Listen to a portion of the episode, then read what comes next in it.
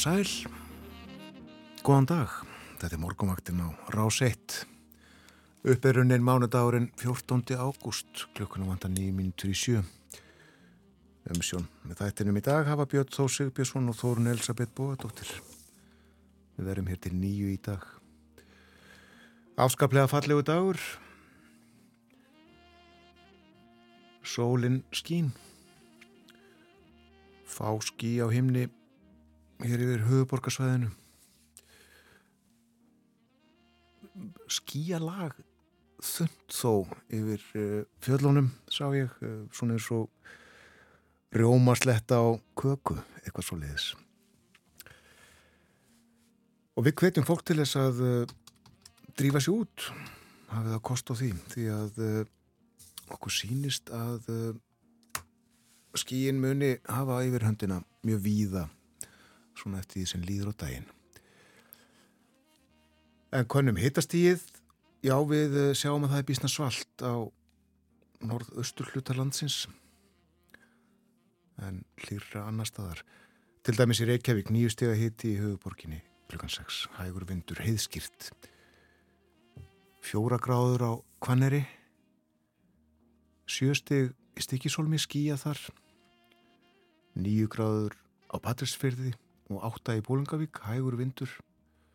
5 steg að hitti á Holmavík 5 gráður líka á Blönduósi. 6 steg við Söðanesvita 5 steg að hitti á Akureyri skíjað 2 gráður á Húsavík 3 á Rauvarhöfn 3 steg að hitti líka á bæði skjáltingstöðum og á eigilstöðum heiðskýrt á eigilstöðum hægur vindur. 8 stiga hitti á höfni Hortnafyrði og 11 gráður á Kvískerjum. 6 stig á Kirkjubæðaklustri 11 stig á Stórhauða við höfum ekki upplýsingar um hittastig í Árnesi. En uh, eh, 2 gráður víða á Hálendinu en hitti við Frostmark á Sandbúðum svona viðræði á landinu klukkan 6 Já og þó að það sé svalt norðaustan til á landinu núna í morgunsárið þá verður þar líklega hlýjast á landinu í dag. Hittin alltaf 19 stegum þar, jafnvel upp í 20 sínist okkur. En eh, söðu vestlega átt eða breytilega átt á landinu í dag, 3 til 10 metrar á sekundu, skíjað á söðurlandi en annars víða bjartviðri og á morgun skíjað og sumstaðar smá væta á vesturhelmingi landsins en bjartviðri fyrir austan. Og hitin bæði í dag og á morgun 8 til 19 stygg, hlýjast á norðausturlandi í dag eins og fyrir segir en söðaustan til á morgun. Og það er hæðarryggur yfir landinu sem að heldur lægðunum fjarrri, segir í hugleðingum eðurfræðings. Hæglætisveður og víða létt skíjað en sumstaðar þókubakkar eða súld úti við austurströndina. Suðvestlægari vindátt á morgun og sapnast í skíja bakkar að söður og vesturströndinni en annars yfirleitt bjartviðri og hitin sem fyrir segir alltaf 20 stígum þegar að bestlætur. Útlitt fyrir áframhaldandi veður blíðu á þriðjudag en smá vætu á vesturhelmingnum, sveipað veður svo á miðugudag og örlítið kvassara og regning með köplum á fymtudag en hitin breytist lítið og það er áfram Eh, gert ráð fyrir því að það verði hlýtt í veðri út þessa viku. Það er viðbúið að uh, fólk mæti með rauðenni og nef til vinnu í dag eftir uh, þessa rjóma blíðu um helgina. Sólinn skein aldilis. Miðborg Reykjavíkur tróðfulla fólki á lögadaginn. Líklega með þáttaka í hins egin hátíðinni og uh, það var aldrei satt að njóta við blíðunar í gær líka og fólk gerði það satnaði saman í uh, almenningsgörðum og þetta í Nautalsvík sem er vinsæl til útíðistar á blíðiðri stögum. Og það er ímislegt á dagskraf hjá okkur á morgumvattin í dag. Við förum ítalega yfir hana eftir frettinnar sem koma eftir, það er bara fimm minútur en nefnum þó að Ólafur Örn Haraldsson verður hér hjá okkur eins og hann hefur verið annað veifið síðustu vikur og við ætlum að tala líka um losunar heimildir og heyra af ástandi mála í Noregi.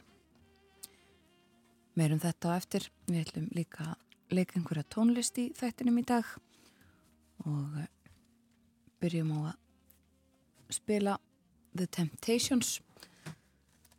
Þetta lag heitir Ain't Too Proud to Beg.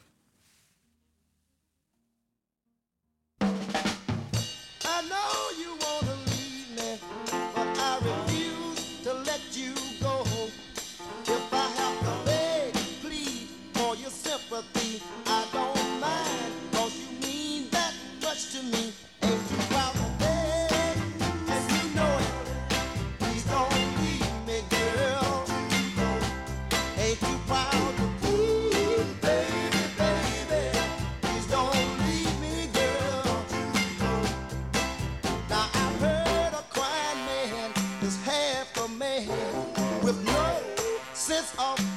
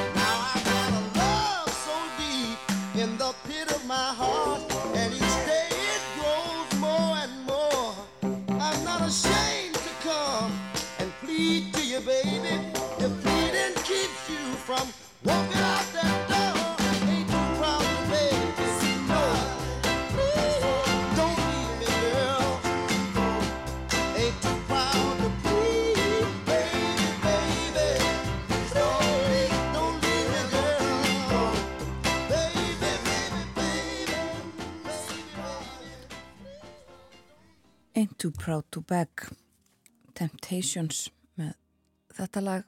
Það er frá árinu 1966 og var svo tekið. Rolling Stones tóku það upp á sína arma árið 74 og svo gerði Rick Astley það líka 1988 Já. Nokkar útgáður til að þessu. Já, uh, Mikil Sveit, Temptations, þessi söngflokkur, uh, stopnaður hérna einhvern tíman upp á 1960 og enn er uh, eitthvað til sem heitir The Temptations og uh, kemur fram, ég held að 30 söngvarar hafa ég haft hérna viðdull um lengri eða skemmri tíma.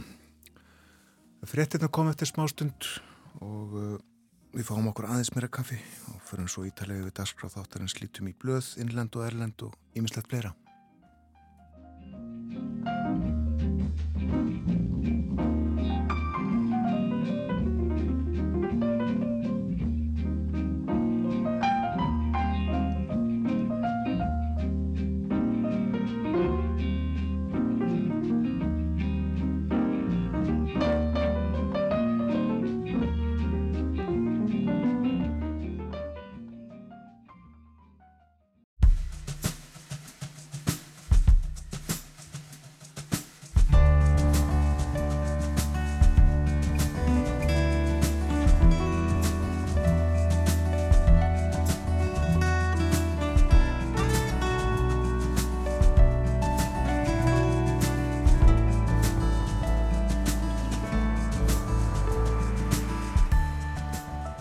Dag, morgunvaktin heilsar mánudaginn 14. ágúst.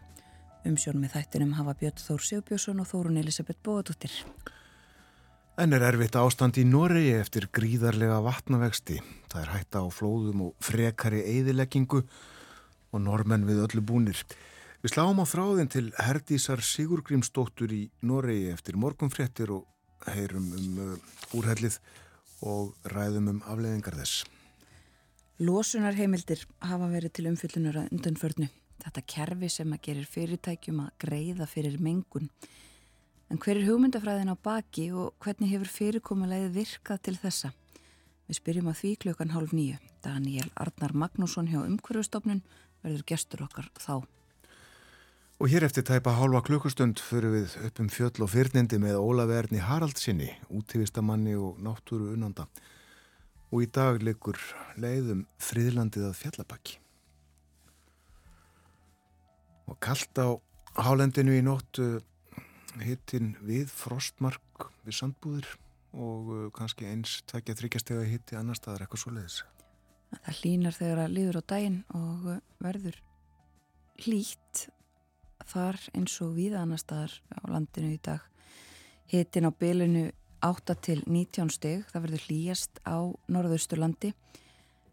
Sýnist í kortunum að það verði 19 steg að hitti á Húsavík til dæmis uh, á rétt eftir hátegi dag heiðskýrt og hægur vindur.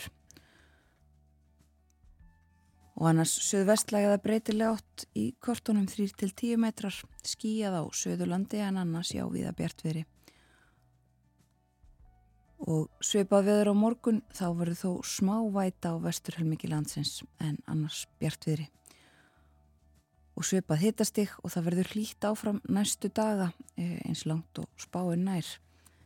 Þá getur hittin náð alltaf 20 stígum einhver staðar á landinu. Það er hæðarryggur sem heldur lægðum fjari næstu daga og því hæglætisveður og viða létt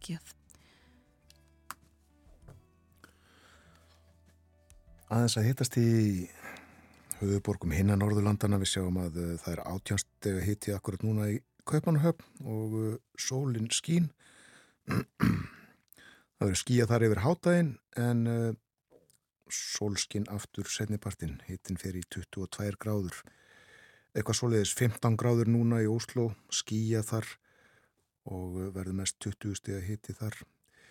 Í Stokkólmi er núna 18 steg að hitti og sól en uh, skíja setnipartin, hittin í 23 gráður þegar bestlætur og það er 20 stíga hitti í Helsingi og fer í 24 gráður sínurt okkur. Í þósöfnum færiðum er skíjað og það verður skíjað.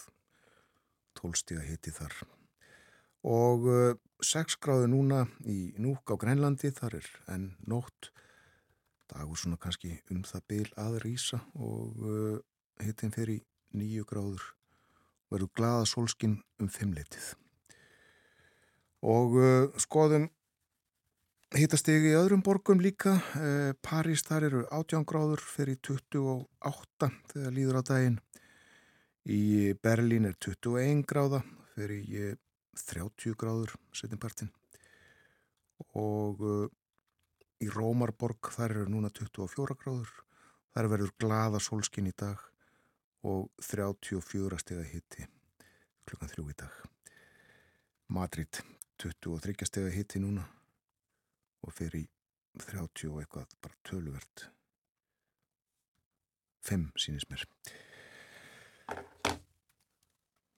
Tengt veðri. 100 ára gammal varði gær Páll Bergþórsson veðufræðingur fyrirverandi veðustofustjóri aðmali hans uh, voru gerð skil í fréttatímum í gær. En það er skrifuð frétt á veð, veðustofunar það sem að farið er yfir námsferil hans og uh, starfsferil.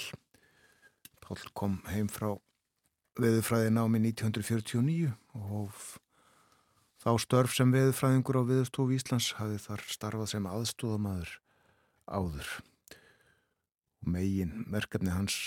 Á stofnunni allt til 1982 snýru að almennri veðurspáþjónustu og flugveðurþjónustu.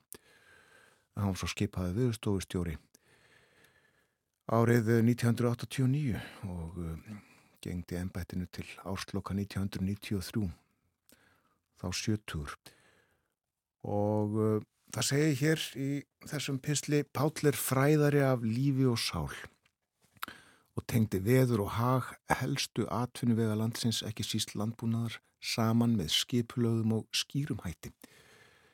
Hann er kunnur smekkmaður á Íslands mál, bæði talað og ritað, mjög áherilegur fyrirlesari og skrifar afar fallega ritund.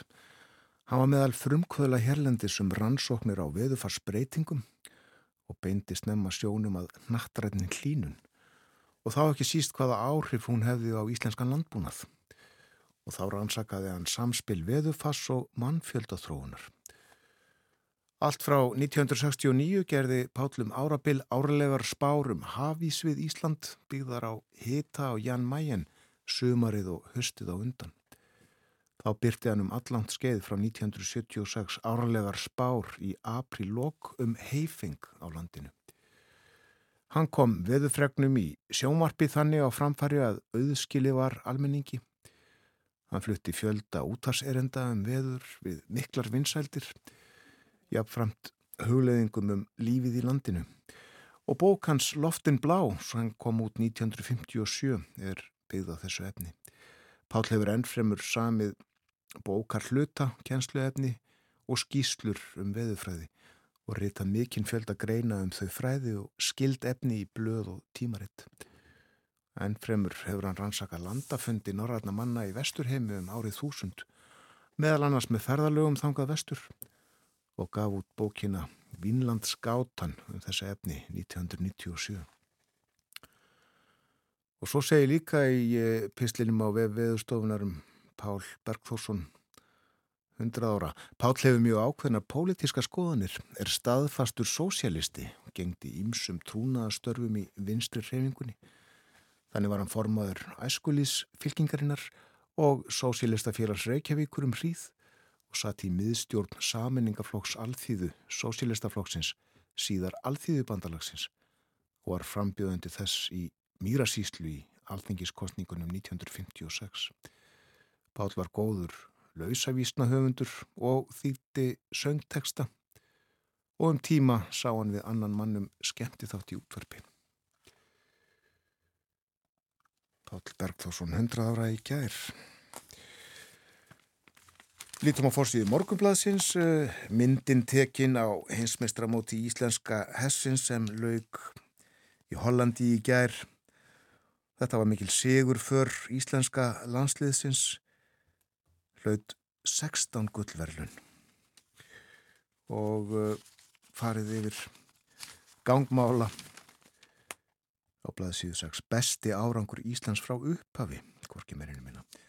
Saga og Flóki unnu fimmgangin Sara knapinn, hest, Flóki hesturinn og Jóhanna og Bárður sigruði í töltinu. Sama þar Jóhanna knapi, Bárður hestur en uh, það er líka fjallað hér um uh, fyrirtækið Carpfix í uh, ítalegri frett á fórsíðu og frekari skrifum inni í blæðinu en það er að hefja innrið á bandarækjamarkað eins og segir hér í fyrirsögn. Og fyrirtækið í farabrotti á heimsmæli kvarða búin að gera langmest er hér innan gæsalappa haft eftir Bergi Sigfúsinni hann er yfirmaður kólefnis föngunar og niðurdælingar hjá Carpfix Nú, svo er hér talað stuttlega við Heidrúnu Jónsdóttur, hún er frangatastjóri samtaka fjármálafyrirtækja. Hún telur hugmyndir um kvalrega skatt illa ígrundaðar. En uh, Lili Alfredsdóttir viðskiptar á þeirra hefur viðrað, viðrað slíkar hugmyndir, gerði það fyrir nokkru síðan og uh, ennfremur eftir að ítölsk stjórnvöld settu á sérstakann skatt á bankana þar og uh, heyrum bendir á að gengi ítölsku bankana hafi hríðfallið eftir skatlagninguna. Íslenska ríkið eigin er helming bankakerfisins og lífeyrisjöðurnir drúan hlut. menn þarf að því að spyrja sig hvort það sé þeirra hagur að verma til bankana rýrni. Rétt hér líka inn í blæðinu við saðum frá því fyrir helgi að Ásker Jónsson, sælabankastjóri þar ræðumadur eða flutti áarp á hólaháttíðum helgina. Og við veltum því fyrir okkur hér algjörlega án allra rábyrðar hvert efni erindis hans yrði, hvort það myndi tala um hagfræði eða sögu eða trú eða hvaða nú er en uh, stuttlega sagt frá erindi hans hér í morgunblæðinu og uh, frásögnun hefst á tilvittnun Nú erum við orðin rík þjóð, allir eiga tölvu eða snjálfsíma og eiginlega þurfum við ekki meira af tækjum. Við eigðum nú peningum helst í upplifun, líkt og utanlandsferðir, síðan byrtu við myndir á okkur á samfélagsmiðlum sem sína þessar upplifanir okkar. Raunar er resin upp nýstjætt áhrifavalda sem sínir fylgjendum sínum hvernig eigi að nýta tíman og njóta lífsins. Og uh, frekar sagt frá erindi hans í morgunblæðinu eins og áður sagði. Lítum þá aðeins í blöð í nákvæmnaríkjum okkar byrjum í Danmörku þennan morgunin og fórsíðun og politíkan er eh, heilmikil umfjöllun og, og eini í blæðinu líka um eh, stöðu eldri borgara. Eh, ný stór rannsókn gerð í Danmörku sem að leiðir í ljós að það þeir lífverðistegar eða fólk sem komið er á aldur en heldur áfram að vinna miklu gladara og, og ánæðara með lífið heldur en aðris um, það er sagt einmannaleiki og óanæja er sagt stórt vandamál meðal eldra fólks í Danmörku en um, sérstaklega hjá þeim sem að einmitt hafa hætt að vinna og ekki endilega verið komnir með áformum hvað skildi gera eða, eða hvernig. En e, á meðan að fólk sem heldur áfram að vinna en bara fær að vinna minna að hafa meiri sveianleika og, og slíkt að það er mun e, ánaðara ekki eins einmanna og e, tölverð umfyllunum um þetta 14.000 manns sem að tóku þátt í þessari rannsók í, í Damörku sem að sagt er frá. Og eh, sem sagt eh, kallaði eftir því að það þurfi meiri e, svejanleika, leifa fólki að vinna eitthvað áfram eins og það því hendar og þannig sé hægt að e, minka þessi e, vandamál sem að einmannalegi er uh, sérstaklega orðin í samfélögum, ekki bara í Damörku. Um, á fórsíðun á informasjón í Damörku líka, hins vegar uh, umfyllinum allt önnum mál, þar er talað um uh, spænsk stjórnmál og stöðuna þar en líka ímislegt um, fleira blöðin og, og fjölmeðlarnir í Noregi auðvitað uh, áfram með umfjallanir um, um stöðumála eftir uh, yllviðrið hans uh, meðal annars sagt frá því að, að það séu uh, það er fjöldi fólk sem enn hefur ekki fengið að snúa heim til sín og uh, áfram uh, rauðar viðvaranir og, og mik mikil flóða hætta víða. Við ræðum nánar um þessi mál hér á eftir þegar við ringjum til Norex til Herdísar Sigurgrímsdóttur. En eh, líka satt frá því í Norska ríkisútarpinu að nú er svo komið eh, að helmingur allra nefnda í Noregi vil læra spænsku en ekki þýsku eða fransku. Og uh, þetta eru einhverjar nýjar tölur ný tölfræði. 52% í, í skólum vilja spænsku sem uh, sem svona annað eða þriða tungumál sitt. Og uh, ég held nú að þetta sé sambarilagt eða það er allavega þetta er svipu þróun og, verið hefur hér á landi. Hefur fækkað þeim sem að vilja læra hinn tungumólin en uh, í Svíþjóð er fjallað um kjarnorku. Og sagt frá því að það sé meira hluti í, í sænska þinginu sem vilji fjarlæga bann og hindranir fyrir slíkuri uppbyggingu um, og rætt við fólk sem er mjög og, og mjög gaggrínið á þessi áform um að mögulega uh, fara í kjarnorku á ný eða uh, ný, uh, nýjar framkvæmdir í slíku um, það get ekki verið sjálfbært sagt hér í fyrirsögn Það eru þetta fjallað viða líka um uh, stöðumála á Hawaii, á Maui eigu. Um, nú er ljóst að skóareldar, gróðureldar þar eru þeir mannskjæðustu í bandaríkjunum í meirinn öld.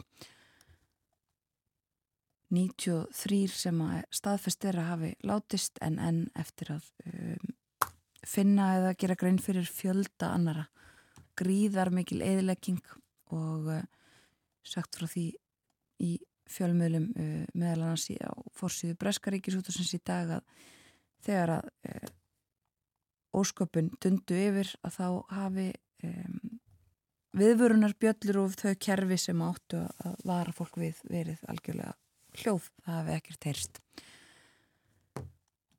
og svo líka í breskum fjölmjölum þess minnst að um þessar myndir eru tvö ár frá því að talibanar tóku aftur uh, rendu völdum í Afganistan og, og farið yfir stöðu mála þar.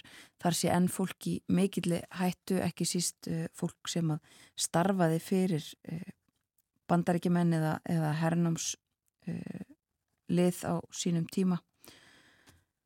Það séu tæplega fjögur þúsund líka mannsinnan réttarkerfisins sem var og hefur nú verið aflagt. Fjöldi fólks hafi verið myrtur og uh, svo auðvitað fjallaðum stöðu kvenna líka sem er afskaplega bág. Segja þetta af erlendum frettum í bylli Jú. Og við ekki maturli áhuga fólks um uh, máleðin barna á því að uh, núna í dag uh, frá því að þegar klukkuna vandar 15 minntur í nýju þá uh, fer fram morgunverðafundur menta og barnamálaráðunettisins um nýja framkvæmda áallun á sviði barnaverndar. Þetta er áallun sem að á að gilda til 2027 og uh, þetta verður sem sagt kynntar tilugur að aðgerðum og fyrirkomulegi þjónustu við börn með fjöldþættanvanda og uh, ráð þeirra menta og barnamála mun áarpa fundin og uh, svo mun Hlín Sæðfórsdóttir, hún er sérfræðingur í menta og barnamálaráðanettinu kynna framkvæmda áallununa og uh, svo eru fjalla sérstaklega um fyrirkomla þjónustu við börn með fjölþættan vanda. Og þar munu tala og um það Funi Sigurdsson sem er framkvæmdastjóri hjá barna og fjölskyldustofu og Arnar Haraldsson sem er ráðgjafi hjá HLH ráðgjöf. Svo verða umræður á eftir og uh, það er hægt að fylgjast með þessum fundi. Í uh, vef útsendingu hægt að finna upplýsingar á vef stjórnaráðsins Jú, hér að lag? Við spiliðum hér snemma í morgun uh, lag með The Temptations Ain't Too Proud To Beg heitir það. Og uh, það var ekki alveg út í bláinn. Við rákumst á það að uh, á þessum degi fyrir þó ekki nema 8 árum síðan þá fór kvítahúsið uh, í bandaríkjónum á Spotify. Og byrtur var uh, lagalisti með eftirlætis lögum Barack Obama sem þá var fórseti svona sumarlisti og þar var þetta lag sem við leikum sem sagt snemma í morgun. Og hann byrtir lista hjælti áfram, gerði líka lista af jólalögum og hefur svo allakutur síðan haldið sér við það að byrta og búa til svona lagalista, setja saman. Og eh, hefur gert það áfram eftir að hann fór úr kvítahúsinu kvítahúsið verðist mér ekki lengur bjóða upp á þessa lista sem að hann gerði og Donald Trump eftirmaður hans verðist ekki hafa gert svona lista og ekki heldur Joe Biden sem nú er í kvítahúsinu en uh, Barack Obama já haldið því áfram og hann byrti nýjan lista fyrir sumar og tekur yfir litt saman svona gömul og ný lög og alls konar uh, alls konar lög úr öllum áttum. Og uh, við skulum heyra lag sem að rataði á sumar laga listanans þetta árið. Það er gamalt og gott. Þetta er Otis Redding og Sitting on the Dock of the Bay.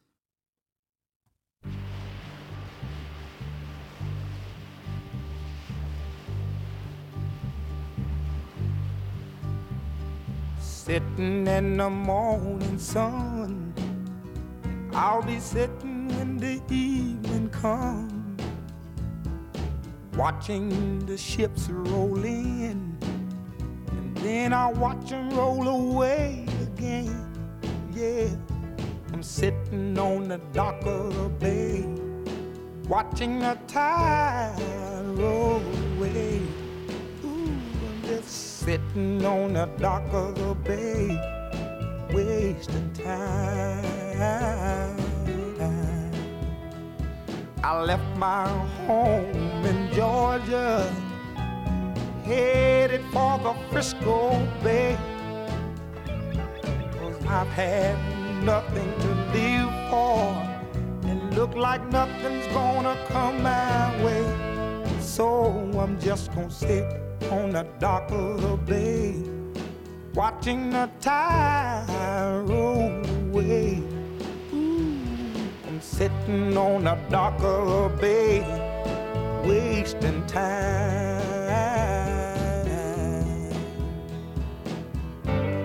Look like nothing's gonna change. Everything still remains the same I can't do what ten people tell me to do. So I guess I'll remain the same. Listen, sitting here resting my bones. And this loneliness won't leave me alone. Listen, 2,000 miles I roam just to make this dock my home. Now I'm just gonna sit at the dock of a bay watching the tide roll away. Sitting on a dock of the bay, wasting time.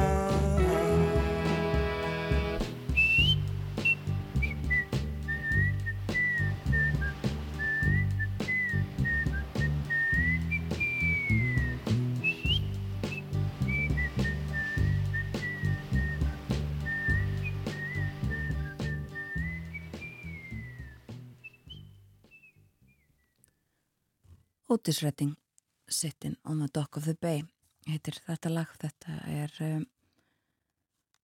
á listanum sem að Barack Obama fyrverandi bandaríkjafásiti byrti í sömar yfir uh, svona lög sem hann mælti með að hlusta að væri á þetta sömarið Já, þau vel á því að uh, leika þetta þennan morgunin uh, Sitting in the Morning Sun Sittið í morgun sólinni Já, sólinn skín víða þennan morgun. Fallugu dagur. En uh, ég hef ekki að kalla eftir uh, svona ámóta lagalista á Spotify frá fósittanum á bestastuðum Jú, hvernig væri það? Það líður að frettæðivildi hjá okkur kemur eftir rúmar tværi minútur Eftir það fyrir við upp um fjöll og fyrirnindi með Ólaf Erni Haraldsinni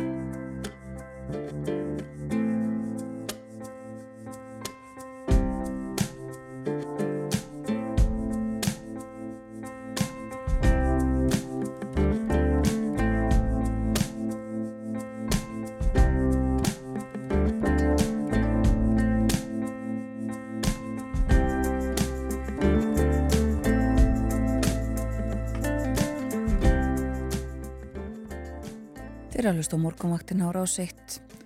Fretta yfirleitað baki, klukkan orðin rúmlega hálf átt að þennan mánudags morgun, það er 14. ágúst í dag. Og við sitjum hér Björn Þóru og Þórun Elisabeth og gerum það til klukkan nýju. Minnum á það að hér á eftir þá ætlum við að slá á þráðin til Norex. Þar er Herdís Sigurgrímsdóttir. Við ætlum að ræða um úrhellið og eh, afleðingar þess sem eru töluverðar og enn er ekki komið alveg í ljós hversu miklar þar eru, hvernig skemmtirnar eru, hver kostnöðurinn verður og þar fram eftir guttunum. Við ætlum líka ræða svolítið um það hvernig norðmenn eru undir svona öfgægi veður fari búnir. Hertís eh, starfar meðal annars í eh, viðbröðum við loftslagsbreytingum Og svo í lókþáttarins þá ætlum við að velta fyrir okkur losunar heimildum.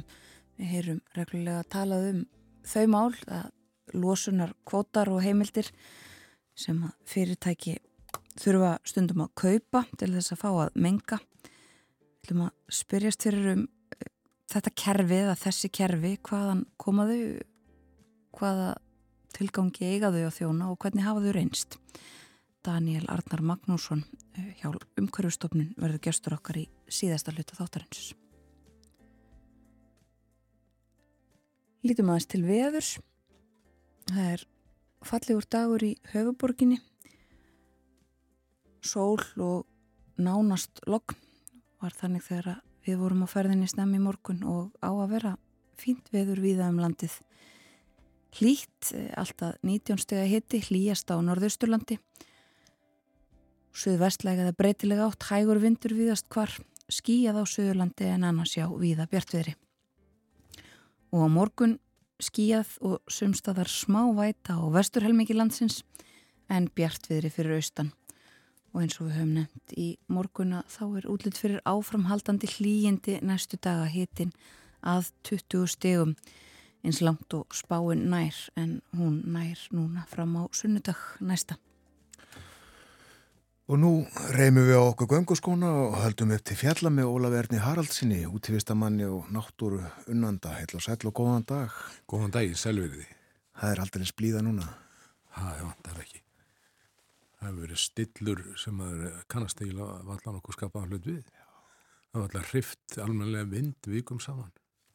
Með ólíkindum alveg. Það er alveg með ólíkindum að það vaknar hverju mótni jafn hissa. Já, en... Uh, Nú uh, leikur leiðin að uh, um friðlandið að fjallabakki. Já, ég held sér rétt að byrja á því að, að segja frá því hvað er þetta fjallabakk og, og þetta friðland. Það er ekki vist að allir átt að segja því. E, þetta er landsvæði sem er fyrir norðan e, Torfjökul og ég lega kannski einfaldast við maður miða við landmannarlögar.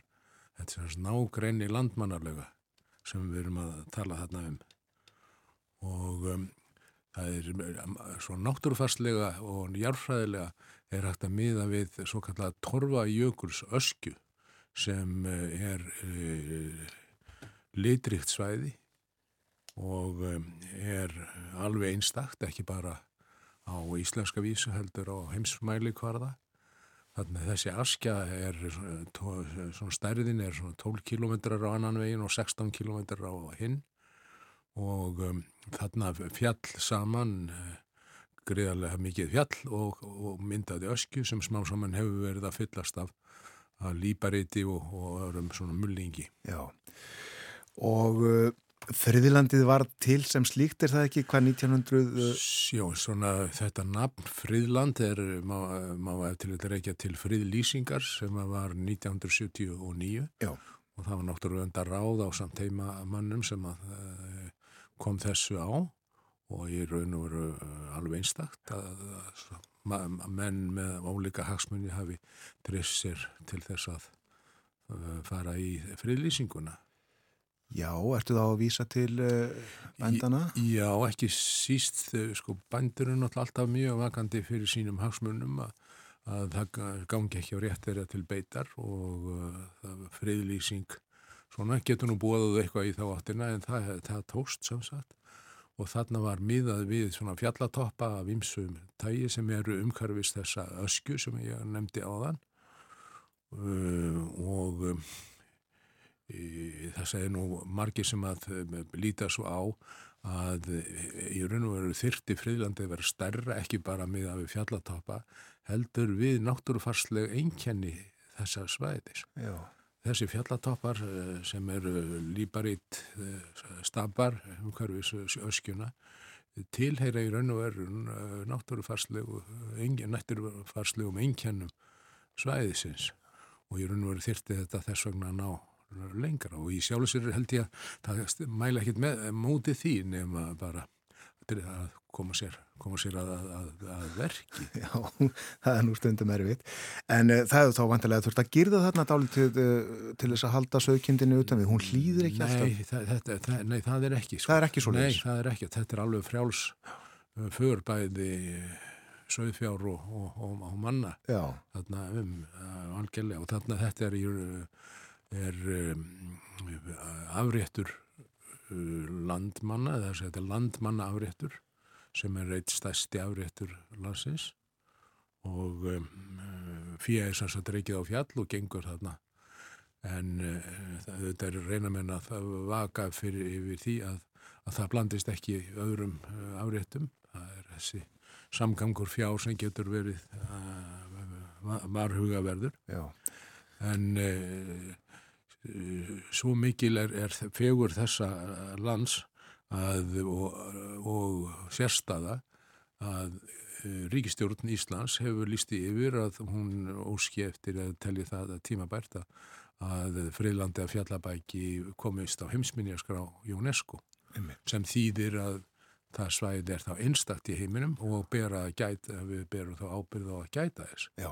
Og ég held að það getur, getur nú ekki, við getum kannski komið inn á það á eftir, en það getur ekki farið saman að óska eftir því að komast á heimsminniskar á vegna sérstöðu og hversu uh, fáfarið þarna er að gera það á sama tíma og menn er að byggja uh, og brjóta niður ósnortir land. Það held ég að fari ekki saman. Það held ég menni þá að draga tilbaka þessa hugmyndum að þetta sé, sé uh, heimsminniskar Þa, það hlýtur að þurfa að varðveita sérstuðuna. Já, sérstaðan fælst sem sagt ekki bara í fegurðin heldur í sérkennum, náttúrfarslegum sérkennum, jarfræðilegum, ekki síst. Og síðan hversu uh, ósnortið uh, landið er. Þó að það sé náttúrulega þarna séu uh, ákveðin mannana verk að, og það er tiltölu að fáförult þarna og svo að við það er megið að tala um þennan mann grúa sem kemur yfir yfir til til að fá arfu vikur.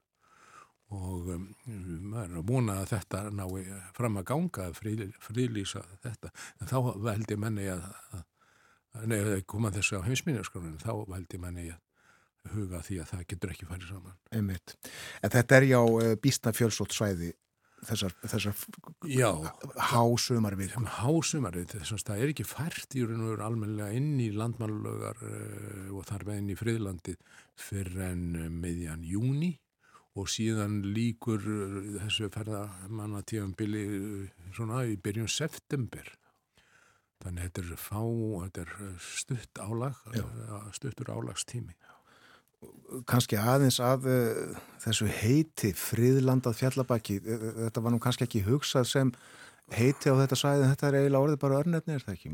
Jú, það er með stórum staf Já. bæði friðland og líka sem er þess að fjallabak fjallabak er raun og veru svæðið sem er að norðan við Mýrdalsjökul og, og þar er nú mælufellsandur Uh, efstur og dagskráin sem við töluðum nú um þetta er fjallabaki. Það er að uh, hinum einn segja ekki, ekki fjallabaki er náttúrulega sunna við Myrdalsjökul sem við tölum um hérna um daginn.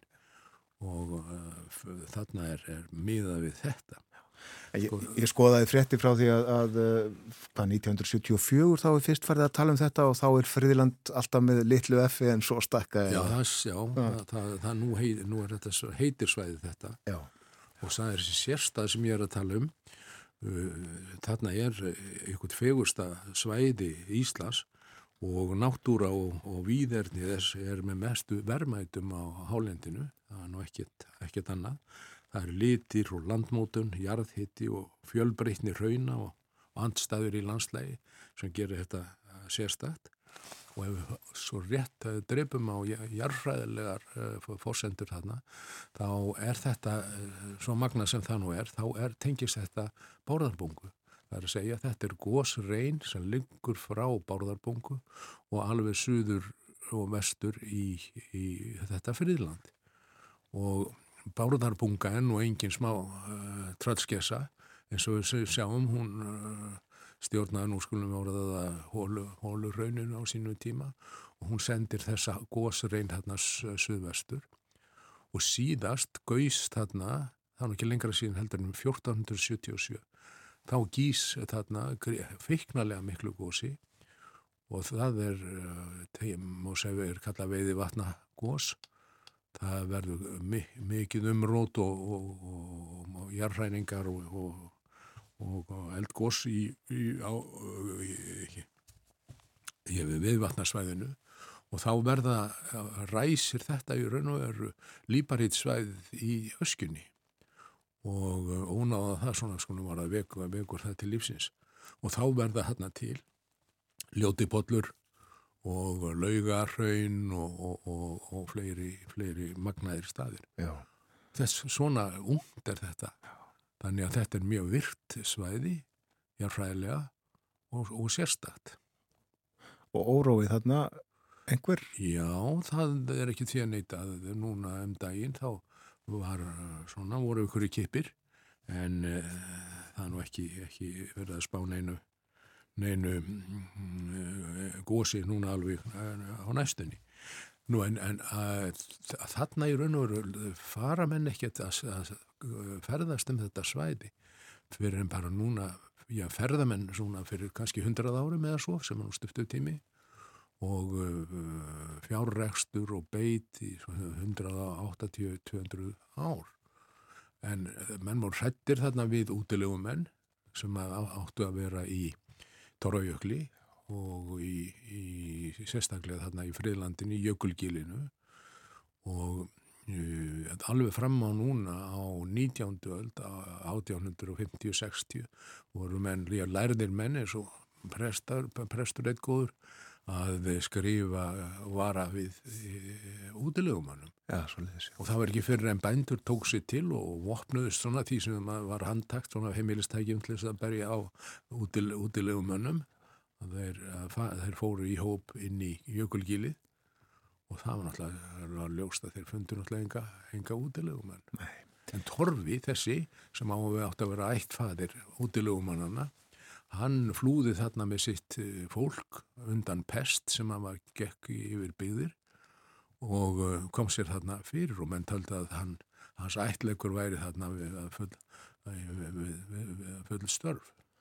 Manstu hvernig torfi var á dögum? Ég man ekki, held að það hefði nú verið 15, á 15. 15. held en ég man ekki hvaða pest, pest þetta var. Nei. Það sem menn fundu voru náttúrulega mikið af, af beinum og það, það náttúrulega var skýringin á því að hverju heimtur voru slæmar að fjö fór þarna inn í, sérstaklega inn í, inn í jökulgílið og, og, og, og þar drafst það þegar, þegar vetraði því að það var ekkert smalað. Menn voru hrættir við, við og menn sáu reiki og fannst þeir finna reikjar lykt sem legði frá útilegum annabíðinni en þetta var náttúrulega bara hverja hverja reikir sem þarna voru. Já, og þarna eru uh, nokkrar kannski margar gungulegðir. Já, þetta eru margar gungulegðir, sko þarna byrja nú hinn frægi laugavegur og það hefur verið rætt um að hann ægi að byrja þarna og að ég er að ganga í raun og verið í aðra áttina, er neyri í þórsmögg en ekki andstæða átt, þess að fólk verði ekki eins vart við umferð, umferðina og, og svo maður segja það að svona tvær árbækur ferðarfélagsins hafi eh, opnað mönnum sín á, á uh, starra svæði.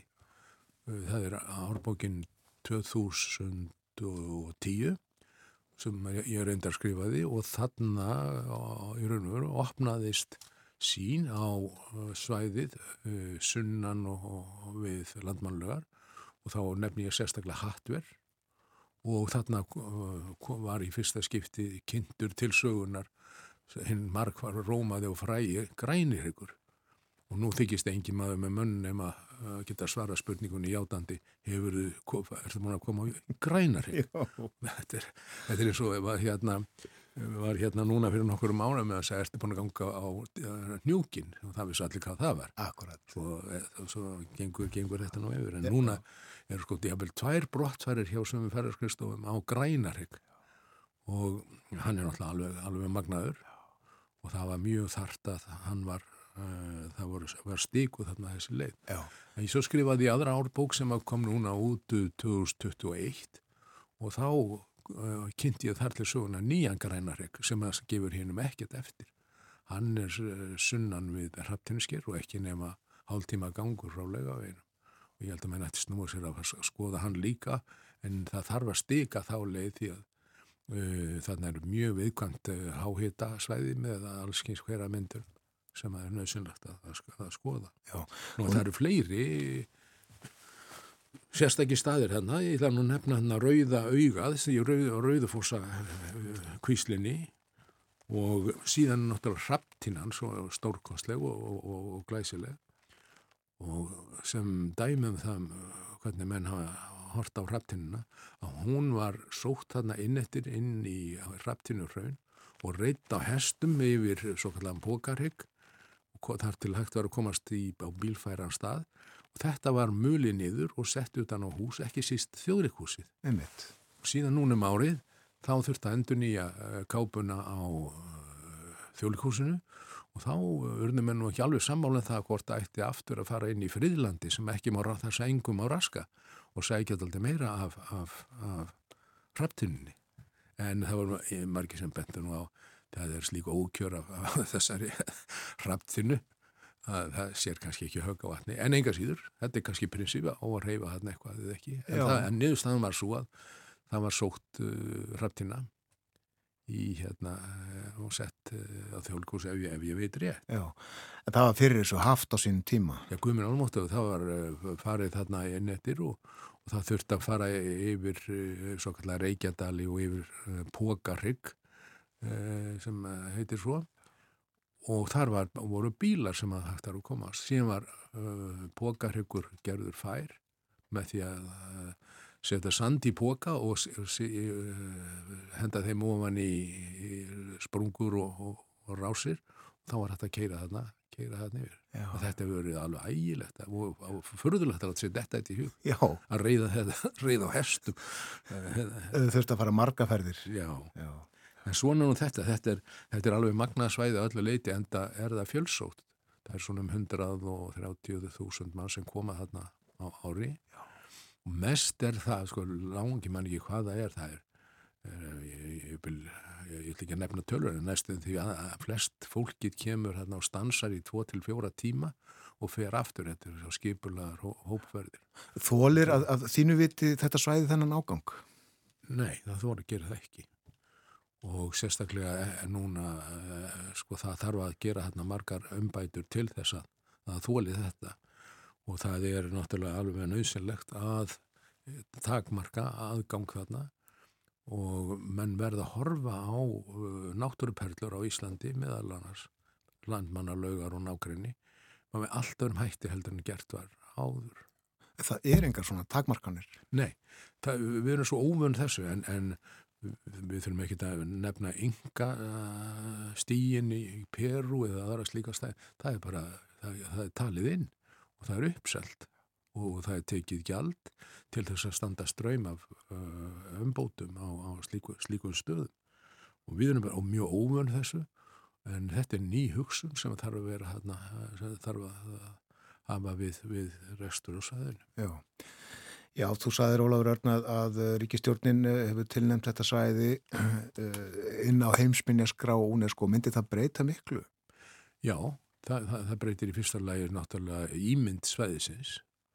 Það gerir það og, og þá koma líka til sögunar ákvæði sem uh, uh, uh, þessi ákvæðunum er byggð á og hún er, er þá skýrt afmörkuð í, í texta og myndum.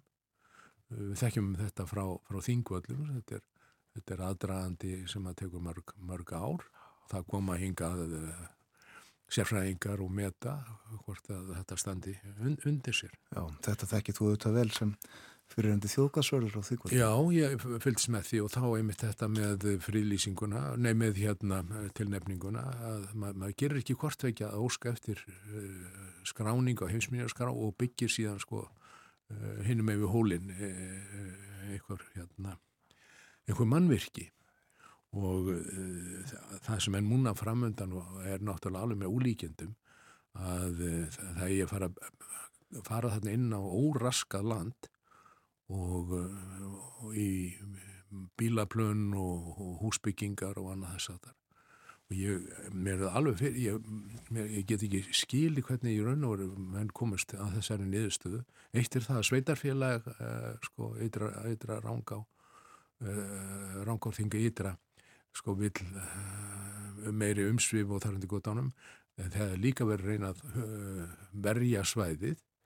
En, en með því að flytja álægið frá sjálfum sko hraunkantinum þar sem að uh, uh, húsin eru núna og út á svo kallar solvang tvo kilometra uh, þá er verið að flytja álægið á aðra staði það eru þarna þessi hraun sem ég gatum frá 1477 það er námsraunnið og það er strútur, stútur og fleiri og fleira sem að sko þessi nýja, nýja byggingar myndu byllinni setjast þarna ofan á þau verðmæti.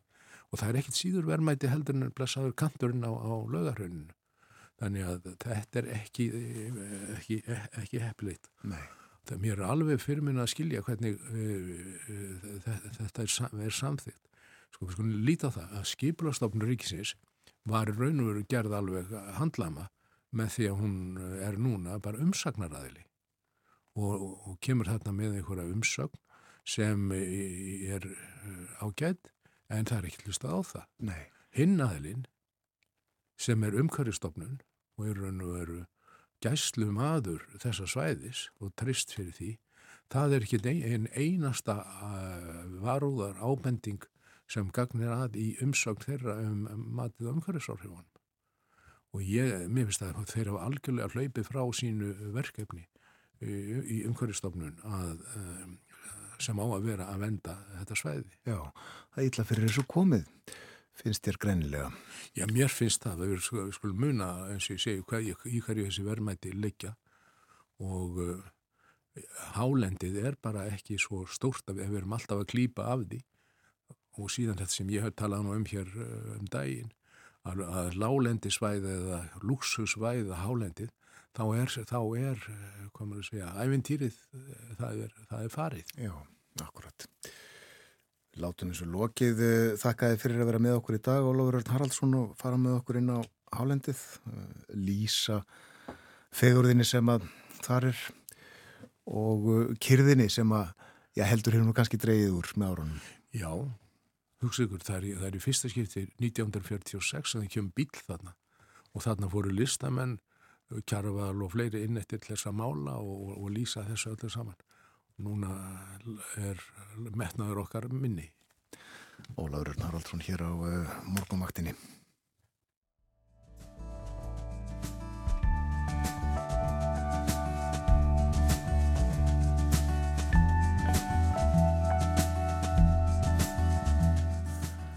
Klukkan vantar fjóra myndur rúmar í átta, við fáum fréttir klukkan átta. Fréttin er alltaf á slæginu og uh, að þeim loknum þá ætlum við að fjalla um ástandmála í Nóri eftir úrhellisrygningarnar þar um daginn og vatnavextina Herdi Sigugrímsdóttir verður í símanum hjá okkur.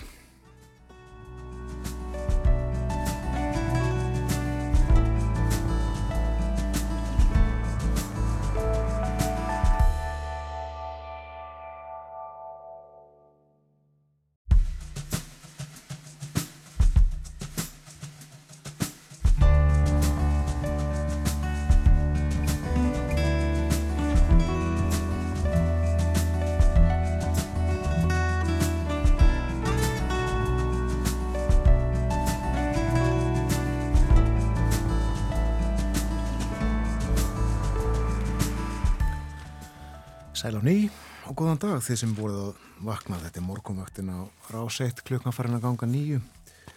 Það er mánudagur, nývinnu vika hafinn, komin 14. ágúst. Ágúst um það byrj hálnaður og uh, blíðveri eins og Brennjólfur Þór Guðmundsson fór yfir í frettatímanum framan að degi sól viða um land og áfram hlíti veðri í dag og næstu daga viðast hvarum landið. Kjöri við til útífistar. Við vorum að uh, fjallabaki, friðlandinu, fjallabaki með Ólaverni Haraldsinni hér áðan. Hann uh, lísti fyrir okkur náttúru undrunum þar, litbreyðum og öðru og saði okkur líka aðeins frá honum Torfa sem að uh, þar hafðist við á sínum tímaðanum. Langt síðan það var, Torfi var útilegu maður og lengi, lengi óttuðust menn, útilegu menn og uh, kom svo að því að flokkur bænda fór uh, vopnaður bareflum til þess að uh, kanna málið almennilega og komist er þá að raunum að enginn var útilegu maðurinn á svæðinu. Guður sér lofa fyrir það. Og við minnum á það í lokþáttar, síðasta hluta þáttarins þá ætlum við að ræðum losunar heimildir. Hvað þær eru og hvernig kerfin í kringum þær hafa eða ganga fyrir sig og, og hafa reynst.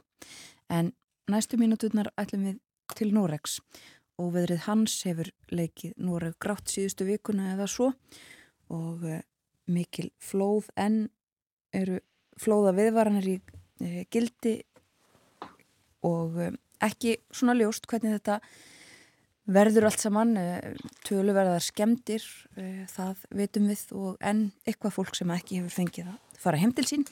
En meira um þetta allt saman veit Herdís Sigurgrímsdóttir.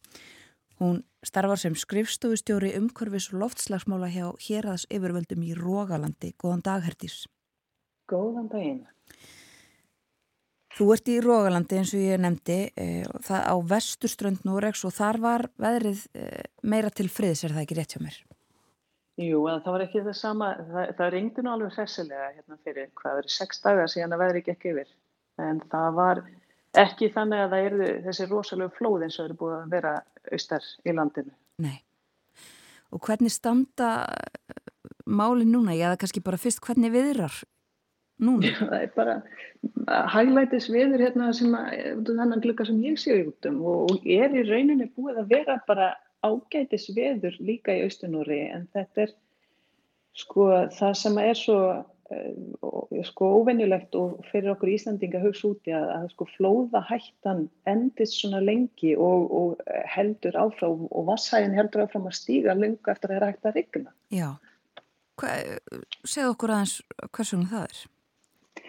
Þetta eru bara svo, sko, þetta eru bara svo stór vatnarsvæði. Þetta er miklu stærra heldur en á Íslandi. Þú veist að það er ekkert í líkingu við það sem er síðan sunnar í Evrópum, svo í Dóna og, mm. og svo leiðist. Þá er þetta, sko, glomma til dæmis sem er stærsta, bæði lengsta og, og hérna, stærsta á Noregs. Þetta er, hún er með vatnarsvæði upp á 40.000 tverrkilometra sem er bara eins og ef að, sko, öll, þetta er svona svolítið eins og ef öll regning sem er fjalli á næri því hálfu Íslandi þurfti að renna út um sömu árósa. Já. Þannig að þetta er bæðið sko tvöfall lengri á heldur en lengstu ára á Íslandi. Þannig að það tekur bara tíma fyrir vatnið að renna frá sko efsta læk og til sjávar. Og svo er það líka bara 40.000 fær kilometrar mikið gróið land sem að dregur í sig vatni svolítið eins og svampur. Mýrar, skóar og bara gróðurlendi annað.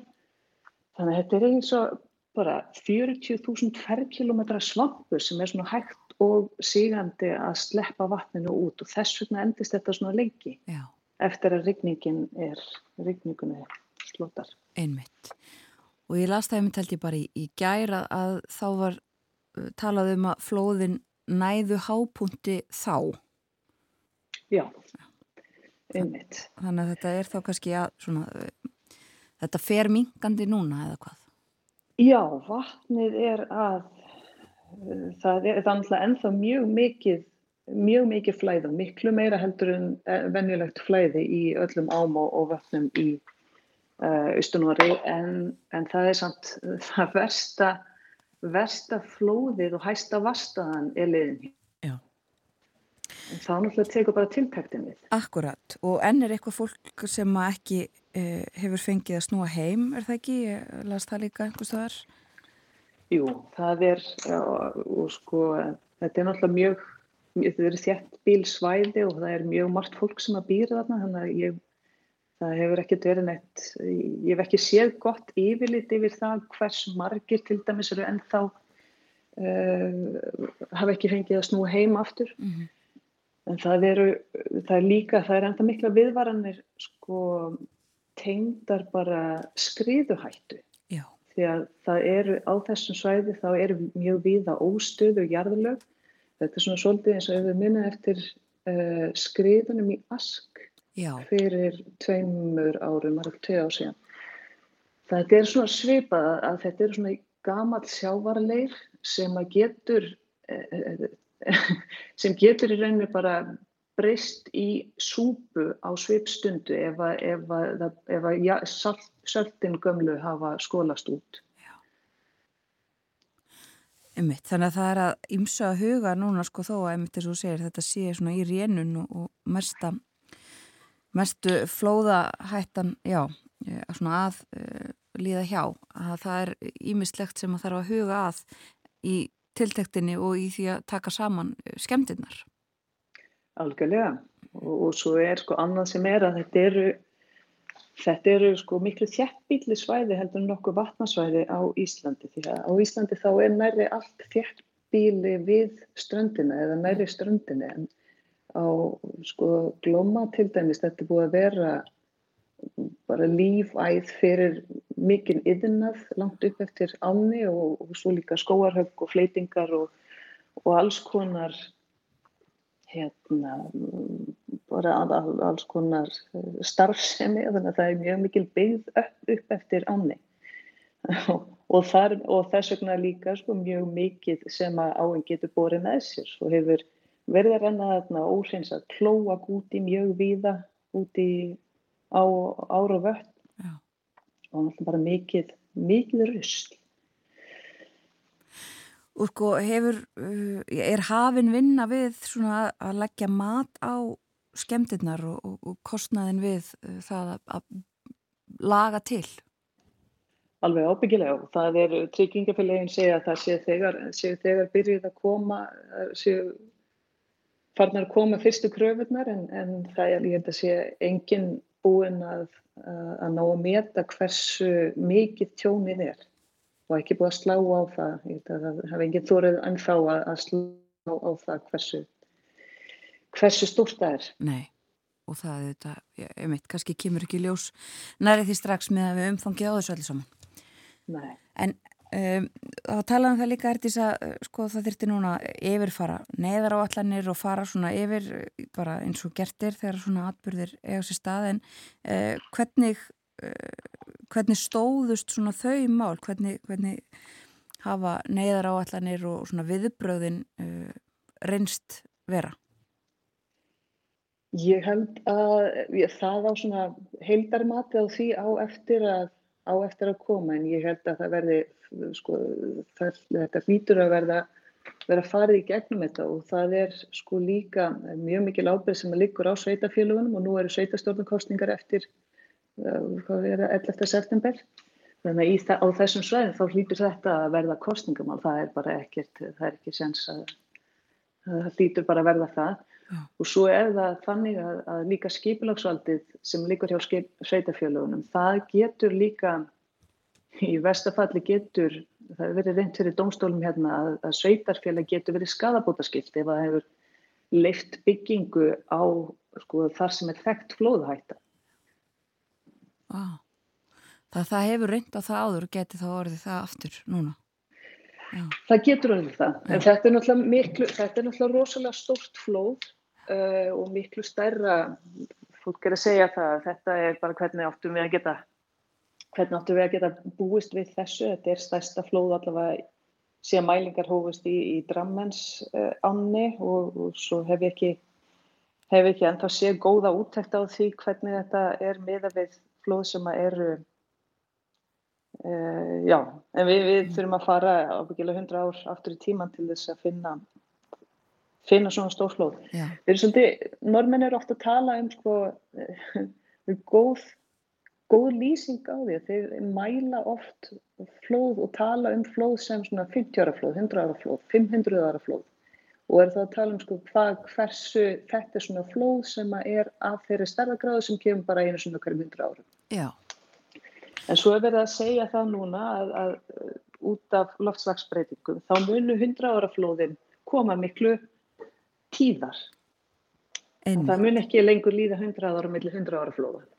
Einmitt, það er einmitt það sem við ætlum líka svolítið að ræða uh, og eins og þú segir, fólk hafi sagt hvernig áttum við að vita uh, af þessu eða hversu stórt þetta er þið en það eru þetta einhver umræða um það og, og, og ekki bara í Nóri heldur viðar að eins og þú segir, uh, svona atburðir gerist oftar vegna lofslagsbreytinga og, og þá er það spurningin hvernig normen eru undir það búnir.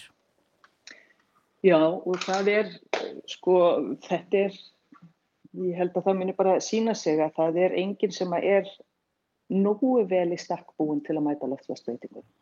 En þetta er í allavega farið að koma um, sífælt meira upp í umræðina. Það kom hérna meðan annars svona, hvað ég segja, sértækt landskipulag og svona reglugerð tengt aðlögun sem að sveitafjölunum þurfa að, að hérna, taka tillit til í sinni skipulagningu 2018 kom en þetta er, sko, þetta er, þessi umræða er frekar ný eða það er, það er frekar nýtt að hún sé að verða svo almenn og þetta sé að verða svo svona sko skílaus krafa til sérstaklega sveitafjölunum að þau verði að, að taka til uh, aðlögunar í sínu, sínu skipulagi. Mm. Og þú starfar auðvitað við þessa hluti e, sem skrifstofustjóri á umkörfis og loftslagsmála e, í Rógalandi þó að þú kannski sérst ekki að eiga við þessi mál, e, þessi flóðamál akkurat núna, þá er þetta vendanlega eitthvað sem að þið fylgist vel með og eru það að líka ræða og bú okkur undir í Rógalandi. Algjörlega. Og það er, sko, þó þetta flóð hafi ekki snert okkur, það þurfi ekki að fara lengra eftir tíman eftir 2015, það var annar eh, stormur sem að við kallaði Sunna sem að, sem að, allir miklum skemmtum hérna sunnarlega í Róðalandi. Og það svo er, sko, eitt er það að, að veðrið sé að breytast og að það sé komið tíðar í flóð og, og ég vil stærra meira vatn, en svo er það líka bara það hvernig hvernig við manneskjur erum búin að, að byggja, byggja niður yfir vatnið, uh, byggja vegi, brýr, leggja vatni rör sem er ekki nóg breytt. Það er, við erum líka búin að í rauninni auka á vandan. Já. Og erum búin að sko, rækta upp og rækta tún alveg niður af ám og lækjum og, og svo, svo framvegis. Það er ímislegt sem við getum það er það margt sem þarf að gera sem kostar peninga en svo er líka margt sem við getum hreinlega bara hægt að gera Já. hægt að, að, að hægt að gera það sem að eigur á vandan Einmitt, eins og þetta sem þú nefnir Já, Já. Og þú talaður um þetta á þennum það er mjög þjætt bílt uh, víða við uh, þessi flóðasvæði um, finnst þér þá líklegt til dæmis að það sem hefur skemst verði ekki byggt upp aftur á sama stað heldur verði fært eitthvað til? Ég held að fólk sé að verða varkára ég held það, ég vona það allavega Já. að það sé að það sé sko núna að verða, fólk sé að verða meira með þetta en það, það verði að hafa stærra buffer uh, að vatni Já Og hvernig er svona eh, bara í lokin hertís, uh, já, umræðan um þessu mál finnst þér, uh, hvað er svona mest verið að tala um í, í tengslum með mitt við framhaldið? Akkurat núna erum við ennþá bara, við erum rétt að það eru ennþá viðvaranir, þannig að við erum ennþá í þessum neyðarfasa, við erum ekki eiginlega komin í að uppgjörunu ennþá, ekki komin, það er ekki búið að reikna út skemmtirna, það er ekki farið að segja hver berja ábyrð á, á sko, hvaða hluta og, og, og það er, það er, við erum ekki komin í greininguna á, á því sem gerðist ennþá. Um, en ég held að það hljóta að verða, þetta hlýtur að verða kostningamál þar sem að í þeim sveðum þar sem þetta hefur orðið uh, það sem að mest hefur mætt á og, og líka bara muni móta uh, pólitíska orðræði, ég, ég, ég trúi því. Já, einmitt það. Segjum þetta gott af uh, Noregs málum í byli. Kærar þakkir fyrir að segja okkur frá Hertís Sigur Grimsdóttir í Noregi. Takk fyrir. Um uh, ástandið í Noregi, já, og uh, eigum þá ekki í framaldi að fara til Hawaii, þar sem að uh, þessi miklu gróður eldar geysuðu og uh, geysa ennað einhverju leiti, það talið að uh, um hundrað hafi látist. Já og enn uh, verða komast að uh, þeim svæðum sem að lokuðust af vegna eldana þannig að það er um, talið líklegt að uh, fjöldi látina muni já, svo tala fari hækandi og ljóst orðið að, að þetta er mannske, þetta eru mannskeðustu gróðureldar í bandaríkjónum í held ég meir en öld. Og þar er einmitt líka verið að ræða um uppbygginguna og hvernig megi uh, standa að henni. Og í Japan þar býr fólk sig undir uh, komu LAN, hann heitir LAN fellibillurinn sem er vantanlegur að ströndum Honshu í uh, fyrramálið. Já. Og uh, það verður gríðarlega kvast og uh, gríðarlega úrkoma. Akkurat uh, og uh, tölurverð umræða um ímislegt um, uh, sem þessu tengist uh, bæði þessum, þessari auknu tíðni öfgaveðurs sem kallað er og ímislegt uh, fleira. Og eins og Hertís fór yfir þá uh, þarf að ræða og, og undirbúa hvernig bregðast megi við vegna þess að já, norðmenn nota eins og hún fór yfir 100 ára flóð eða 500 ára flóð sem svona mælikvarða á algengi svona viðburða og, og það er ekki lengur þannig að 100 ára flóð verði bara á 100 ára fresti. En eh, Herdís sað okkur líka frá, já, eh, því að það eru kostningar, sveitastöndar kostningar framöndan í Nóri og var svona fullvissum að þetta hlita að verða kostningamál þessi uppbygging og það hvernig standa skulað henni. Það er enþá þannig að um, fólk hefur ekki fengið að fara heim til sín um, og samgöngur enn í ólægi og eins og hún fór líka yfir það er búið að byggja uh, vegi og brýr og lestarteina uh, nálagt ám og uh, það þarf að breyta ímsu í því hvernig við menninir höfum líka hagað okkar mannvirkjum í nálaði við vatn. Hugum að veðurhorfum dagsins hér á Íslandi það verður víða bjart en smátt og smátt eikst skýja hulan á sunnan og vestanverðurlandinu.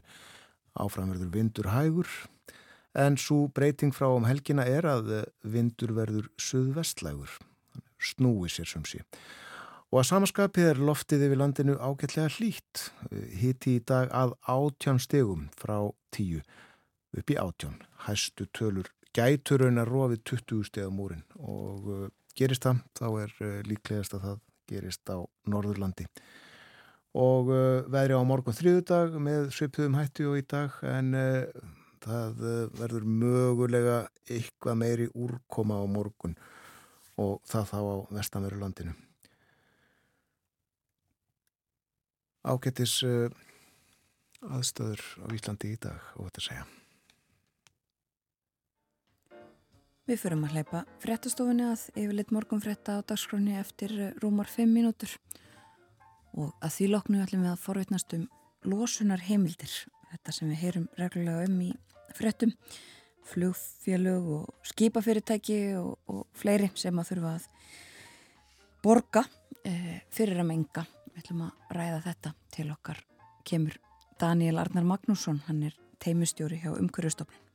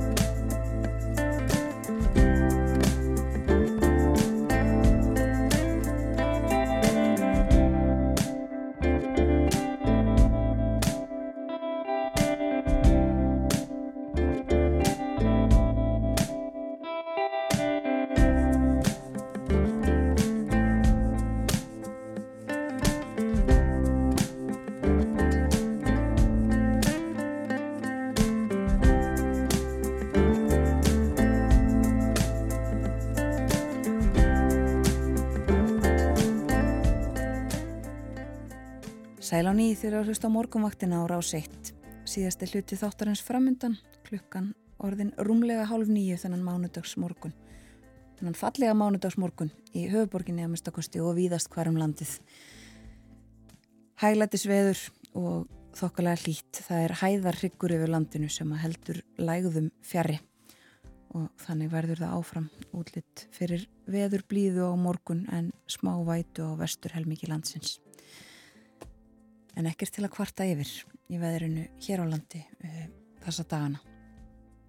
Við höfum farið yfir ímislegt, við vorum uh, í veður tengdum málum hér áðan, réttum við Herdísi Sigur Grímsdóttur sem að starfaður við umhverfis og loftslagsmál hjá hér að séu völdum í Rógalandi í Noregi. Þar er þetta óveðrið hans búið að gera uh, landsmunum óleik og mikil flóð en þá í gildi flóða viðvaranir og ljósta það að voruði töluverðar skemdir á ymsum innviðum og hýpilum fólks. Og eh, Herdi saði að það er enþá bara verið að einbita sér að stöðunni eins og hún er núna vegna þess að hættan er ekki alveg liðin hjá en svo tekur við það að reyna að ná utanum skemmtinnar, kostnaðin og uppbygginguna. Áhugavert sérstaklega að hérna tala um uh, glommu þessa uh, miklu á, þetta mikla fljót sem er uh, eins og þrjár þjórsár held ég að lengt og vatnasvæðið gríðarstort. Já, og heldur hún hafi sagt að þetta væri eins og rigning sem að fjallir til á rúmlega hálfu Íslandi þurft að finna sér einn og sama farvegin. Þetta eru allt aðrar stærðir heldur en við þekkjum hér á Íslandi. En við rættum líka um uh, friðlandið að fjallabæki snemma í morgun Ólafur Örn Haraldsson uh, útvistamaður, náttúru unnandi fór með okkur þangað upp á hálendið. En næstu mínúturnar þá ætlum við að ræða um losunar heimildir. Hlustendur kannast líklega við þetta hugtak. Við, við fáum reglulega frettir af hinu og þessu sem að tengjast losunar heimildum um, og uh, nú síðast kannski í tengslum við það að, að skipafélög, skipafyrirtæki fari að uh, greiða fyrir slíkar heimildir. Við ætlum að stíga skref tilbaka og uh, velta bara fyrir okkur og fá svör við því hvað uh, losunar heimildir eru, hver hugmyndafræðin er og, og þar fram eftir göttunum til okkar er komin Daniel Arnar Magnússon, hann er lögfræðingur hjá umhverjastofnun og teimistjóri, hann er sér um loftgeði og losunarheimildir hjá umhverfustofnun. Velkomin á morgunvaktina. Já, þakka þér fyrir. Gaman að fá að koma. Mikið heiður. Gott að fá þig og við ætlum að byrja á bara einmitt að fara, byrja þig að fara í grundvallaratriðu og, og bara hvað er losunarheimild? Já, það er ekki vona á spurgir og ég er svo sem hérna uh, kannski get byrjað að segja að þetta er svona pínu Uh, gildislæð hugtak að því leiti að, að það fer svolítið eftir hvaða losuna heimildur um að tala um Já. en þar sem að ég er í teimi sem sér um losunar heimildir innan uh, viðskiptakerfi Európsambatsins með losunar heimildir að þá kannski ætla ég að setja það fyrir var á, á umfyllunum mína að ég, hún er svona pínu uh, bundin við það kerfi mm -hmm. en það er heimildir í raun og veru og ég getur kannski komið að því setna sko, ég get svo sem borðið að sama síðan kannski undir lokin um, hver munun á þeim heimildum er uh, á móti því hva, hvernig önnur kerfi virka. Um, en losunarheimildir innan viðskiptakerfis Európa-sambandsins eða ETS-kerfisins eru í raun og veru um, heimil til að losa. Þetta er raun og veru ekki flóknar það. Mm. uh, hins vegar er búið að búa til nokkus konar um, fjárastlegt verðmæti úr þessum losunarheimildum og þannig vera heimila rækstraðalum sem fallundi viðskiptakerfið að, að losa Eh, ígildi sagt, eh, eins tons eða sem sagt fyrir ekki ásaki uh, tonn af CO2 ígildum eða koltjóksís ígildum uh, sem er einhverju gróður og svo loftegundir meðal annars koltjóksíð um, metan nituroksíð eða hláturgas og, og nokkur nefni þetta er aðalega koltjóksíð sem að, að kerfin er utanum eins og stannir í dag og þarna er búið að búa til bara heimil til að losa. Hvenar, hvað er þetta gamalt kerfi utanum þetta? Sko ETS-kerfið eh, sem er mm, svona eitt stæsta kerfi heim í dag, ég held að sé næstæst núna eftir kínverska kerfinu. Og þið sjáu það að svo eru svona kerfi út um allan heim eru breytar dett út núna með Brexit þá búa þeir til nýtt kerfi eh, hjá sér þannig að þetta er mjög algengt að, að svona kerfi sér til en, en ETS-kerfið eh, er sett á laginnar á 2005 og uh, hefur svona kannski verið svona meira með talan af fólki upp á síðkastið þannig að það er ekki fyrir það að fólk kannski viti ekki af þessu Það er talað um að uh, skipin, uh, flutningarskipin fallið inn í þetta núna en yfir hvaða starfsemi nær kerfið í dag? Kerfi nær utanum sagt, og hefur náð utanum orguframleitur staðbundin innað og flug. Þannig að þetta hefur rekstra aðeilarnir sem að kerfinar utanum í dag. Hins vegar eru skipa fluttningar að komin þar að segja að það eru skip sem eru yfir 5.000 brúttótonn um, sem að koma inn í kerfið, losun þeirra um, og þetta eru sagt, næri yfir öll skip nema fiskiskip sem eru nótuð þeim tilgangi og svo eru byggingar og vegasamgöngur að koma inn í sérstöku uh, nýju kerfi eða ETS 2 um, og það er að komi núna held ég að núna er búið að fresta því en það á að koma og vera sett að laginnar uh, 2027. Og það uh, mun vera tekið upp hér líka þá vantilega? Já, við erum bundin því að í gegnum þetta EES samstarf og líka samstarfi okkar uh, bara við Európa-sambandi í þessum loslasmálum að hérna, fylgja þessu, framfylgja þessum kerfum og þessum skuldbendingum og því fylgja þetta, sko, þetta er ekki bara Eh, þú veist, það eru líka ákveðnar eh, deilur í þessu þar sem að það getur verið að sum ríki eru kannski með um, ennþá meiri hvaðir á til dæmis eins og skipafélög í dag heldur en kerfið setur á. Ríkin bara sjálf tekið upp þannig að, að, að hérna, við sem hérna, nú, svolítið svona lenskan hér að, að Európa-sambandi hefur svona svolítið síðum þetta fyrir okkur þannig að það er svo sem ekki staðan í dag en, en já, það getur komið, getur komið upp á hvernig deilur Þannig að þetta kerfi Európusambandsins, það er bara svona lámarki, það má setja meiri hvaðir, það má ganga lengra, en það má vantanlega ekki ganga stittra.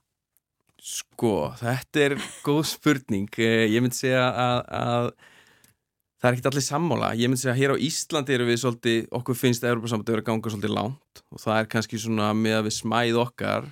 Uh, hins vegar uh, má alveg benda á umfjöldun innan Európusambandsins, þar sem að að það eru samtök sem eru bara alls ekki sátt við hvað Európa-samtök er, er að taka svona, eh, þessar ekstraðala sem falla þann undir svona um, vellingatökum. Eh, þá erum við að tala um þetta er náttúrulega mjög mengandi starfsemi þessi yðnaður í Európu og hérna álver og, og þar fram til gutunum og hérna orgu framleysla sem er hérna það sem verður að brenna kól þannig að að það er ekki allir sátti með hvað, og ég myndi segja að þetta séu kannski aðlarnir sem, aðlarnir sem að að mínum að því nú er ég hérna að passa hvað ég segi, segi en, en, en þetta er kannski svona sem að sleppa hvað best úr kerfinu mm.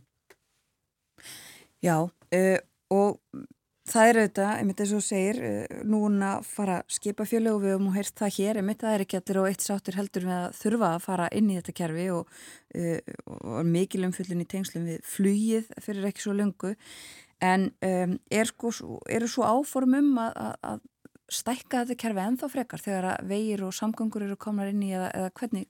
Já, fiskuðir á landbúnaðar, fylgja það á eftir? Já, sko, þar komum við, rekum við okkur kannski á uh, gildis við uh, EES-samningsins og nú ætlum ég að reyna að vera ekki oflagfræðilegur en, en sagt, uh, EES-samningurinn næri ekki utanum, til dæmis eins og nefnir landbúnað og, og, uh, og fisk fiskiðina en hérna eh, bara yfir höfuð þannig að ég kannski þóri ekki að segja til um það en ég held að Európa-sambandi og hún svona Úrsula hefur svolítið rekið uh, sínar áherslur á þessum, þessum umhverfsmálum og, og hennar markmið eru allavega að reyna að koma uh, sem flestu inn í þetta kerfi. Í dag eru held ég eitthvað yfir í kringum 40% af losun Európa-sambandsins sem að ná undir kerfið um, og uh, það hefur farið mingandi reyndar sem sagt út af því að losun er að minga og þegar skipaflutningu kemur inn, ég held að skipaflutningu sé að menga 60 miljón tonna ári sem sagt skipaflutningar. Þannig að þetta er mjög stór, Þar, þá stækkar kakan töluvert. Uh, ég nú er ekki með tölunar í hausnum nákvæmlega hvað, hvað það mun ná yfir mikla losun en, en þá allavega verður þetta töluvert og, og samanskapið svo vegasamgöngur. Þegar það kerfi kemur hinga til Íslands það er stór þáttur hjá okkur uh, í losun Íslands. Við erum aðalega að horfa á yðna, staðbundin yðna og, og vegasamgöngur hér sem er að menga mest. Og er það þá bæði eh, sagt, umferð og einni vega framkvæmdir? Eh, við erum aðalega að horfa umferð uh, í því samengi ég held alveg örugleisi að ekki fara með eina flipur þar. Mm. Um, en svo ég nefnir segja uh, he, kerfinu hefur tekist að, að minga lósunum tæplega 40% allan að með tölur frá 2020 sem að Európska umhverfstofnun umhverfstofnun Európa uh, setti fram uh, þannig að það er svona tölur árangur svo þetta eru sumir sem eru ósáflum um hvort að það sé endilega kerfin að þakka en, en það er allavega svona það sem að umhverfstofnun Európa vil meina Já. og og þetta er svona sterkasta tæki í Európusambatsins, þetta markast tól um, að, að minka losun gróðursloftegunda og það er mjög mikilvægt kannski að nefna því að nú er ég teimistjóri í teimi hérna, loftgæða og losunarheimild að, að ruggla ekki saman sko uh, gróðursloftegundum í þessu samingi og, og, og meng, loftmengunarefnum. Uh, það er að segja að hér eru við aðalega, að tala um losun á, á koldjóksíð og, og þessum efnum sem ég nefndi á hann og svo erum við loftmengunarefnin sem að falla ekkert undir kerfi, þar eru við að tala um uh, þau sem að hafa áhrif á heilsu okkar. Um, eins og uh, ákveðin gös og, uh, og svifrik og svo framvis þannig að svifrik erum við ekki að horfa á það í, í, í samingi við vegasamgöngur. Mm. En hugmyndafræðina baki, hún er svo að já, þú borgar fyrir mengun og uh, getur dreyjum þeim kostnaði með því að uh, upphæra tækjabúnaðin þannig að mengunin verið minni. Já, ég held að hugmyndi sé bara sá sem að mengar, hann borgar uh, aftur á móti uh, ef þú ferði í fjárfestingar og, og, og, og það verður þrýstar ekstraðalum sem fallundi kerfið að fara sko, algjörlega að skoða reksturinn og bara, heyrðu, ekki bara sko áhrif líka að vera grætni starfsemi en, en við erum líka bara til að, að auka skilvirkni og, og, og sé ekki jafn mikið sóun í rekstrinum uh, á orku meðlans þannig að það er verið að íta rekstralum í að skoða þessi atrið hjá sér og, og þar að leiðandi sko ætti ekki bara af áhrif á hvað þú borgar mikið til kervisins heldur líka eftir reksturinn að vera það ódýrari mm. uh, uh, með minni sóun og ég átta kannski meiri ringgrásarhagkerfis pælingum þannig að um, hugmyndafræðin er þar en svo kannski verður að nefna að kerfið uh, í, í drauma heimi væri þetta þannig að þú mengar miljón tonn af CO2 ígildum þá borgaru miljón losunarheimildir. Uh, kerfið er samt þannig að það aðlaga sér svolítið að, að raunveruleikanum og, og, og í flestum tilvöldum eru sér aðlar kannski að borga bara 15% allan ég veit eins og í fluginu er, er meðaltali held í 15% af losunni skipin munu, skipaflutningafélagin munu ekki þurfa að borga í byrjun fyrir alla lósunum sína, þetta verður svona svolítið fasað út byrja að borga 40% fyrir losunum sína, fara síðan upp í 70% árið eftir og svo 2027 eru þau farin að borga uh, fyrir alla losunum sína. Já, en er komin uh, fram svo tekni í, uh, í skipunum uh, að, að hægt er að knýja fórsvona á fellin með einhverjum öðrum hættið en gert er þannig að mengunum verði minni?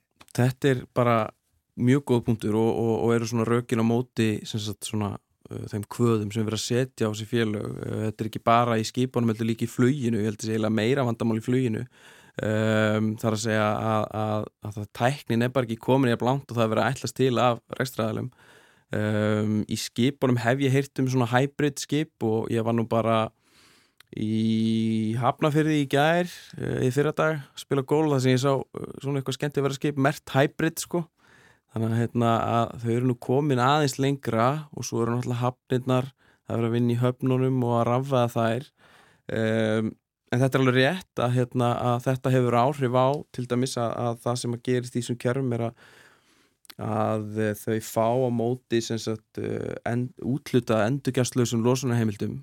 Þannig að þú færðir um losunarheimildir um, fyrir ákveðinu hlutvalli af losunniðinni og eins og í tilfelli flugfélagana þá hafa allan að Æslandi er verið að fá eitthvað í kringum 80-85% af sinni losun bara uh, til sín. Já. og ef þú nærða að lækka losunina og segir það, er margi sem alltaf grætt á kerfinu, það er að fengið uh, fleiri losunarheimildir en þeir þurfa og þar alveg en þið geta það seltar þannig að, að, hérna, að þetta á að vera svona fjárháslu kvati í að uh, bara mingar losun alfarið svo þú skapir hann að verðmætti og, og, og samaskapi er alltaf á hverju ári verið að minga eftirspunnina eftir losunarheimildunum.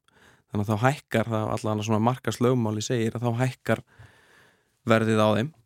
Og það sem að gerist líka og ég voni að ég segi ekki því spurði ég bara en, en, en hérna uh, það sem að gerist líka er að eftir, eftirspurn eftir ákveðnu vörum sem eru ekki mjög umhverfsvænar það verði á þeim á að hækka og það er alveg enda eftir frambóðið að þeim að minka þannig að það er svona, svona líka pælinga baku kerfið Það var auðvitað eftir kapitalismannum að koma upp einhverju sérstöku sjálfstæðu kerfi sko, eða, eða markaði með losnarheimildi.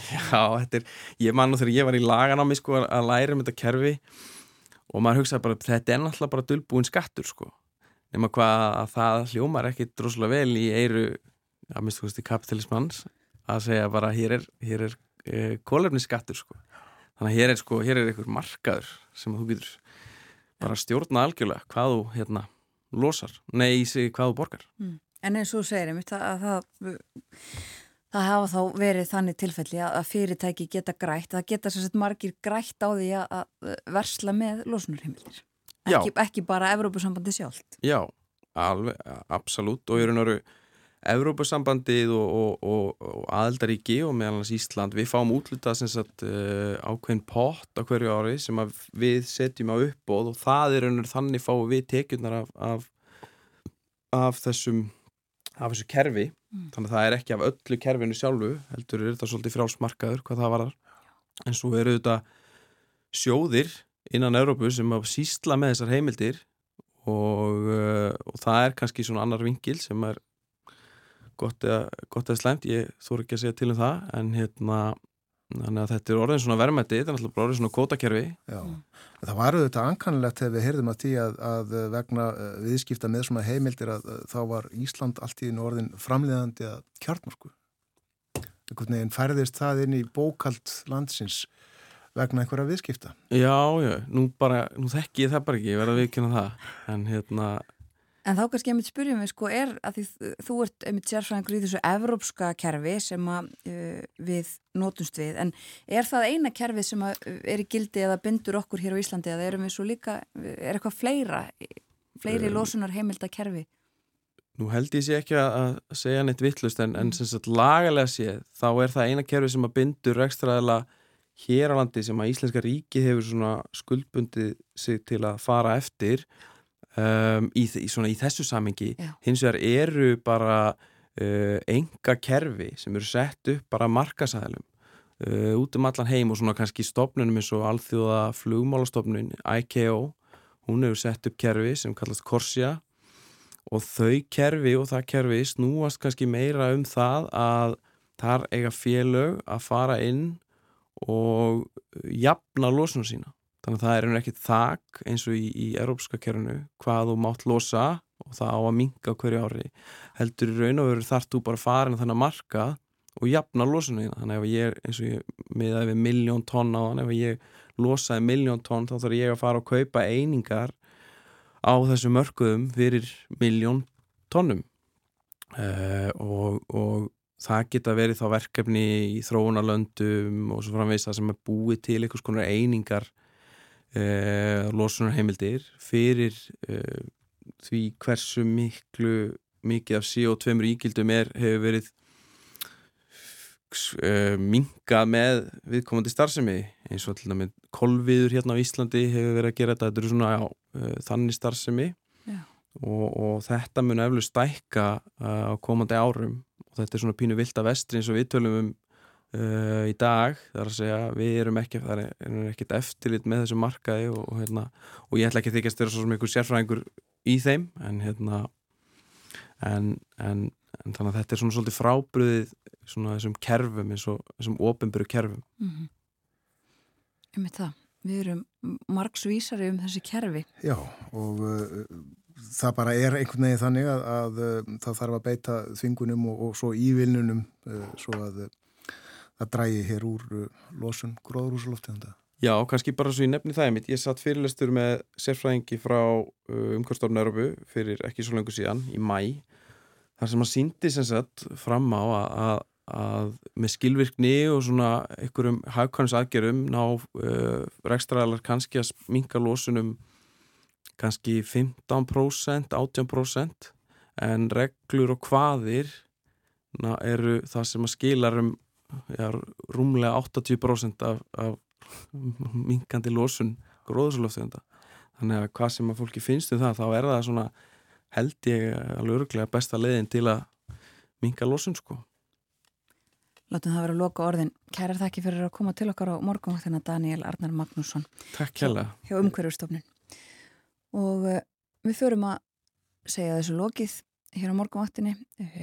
Við, höfum settið hér frá því snemma í morgun, Björn Þór og Þórun Elisabeth. Verðum hérna aftur í fyrramálið. Uh, allt venju samkvæmt.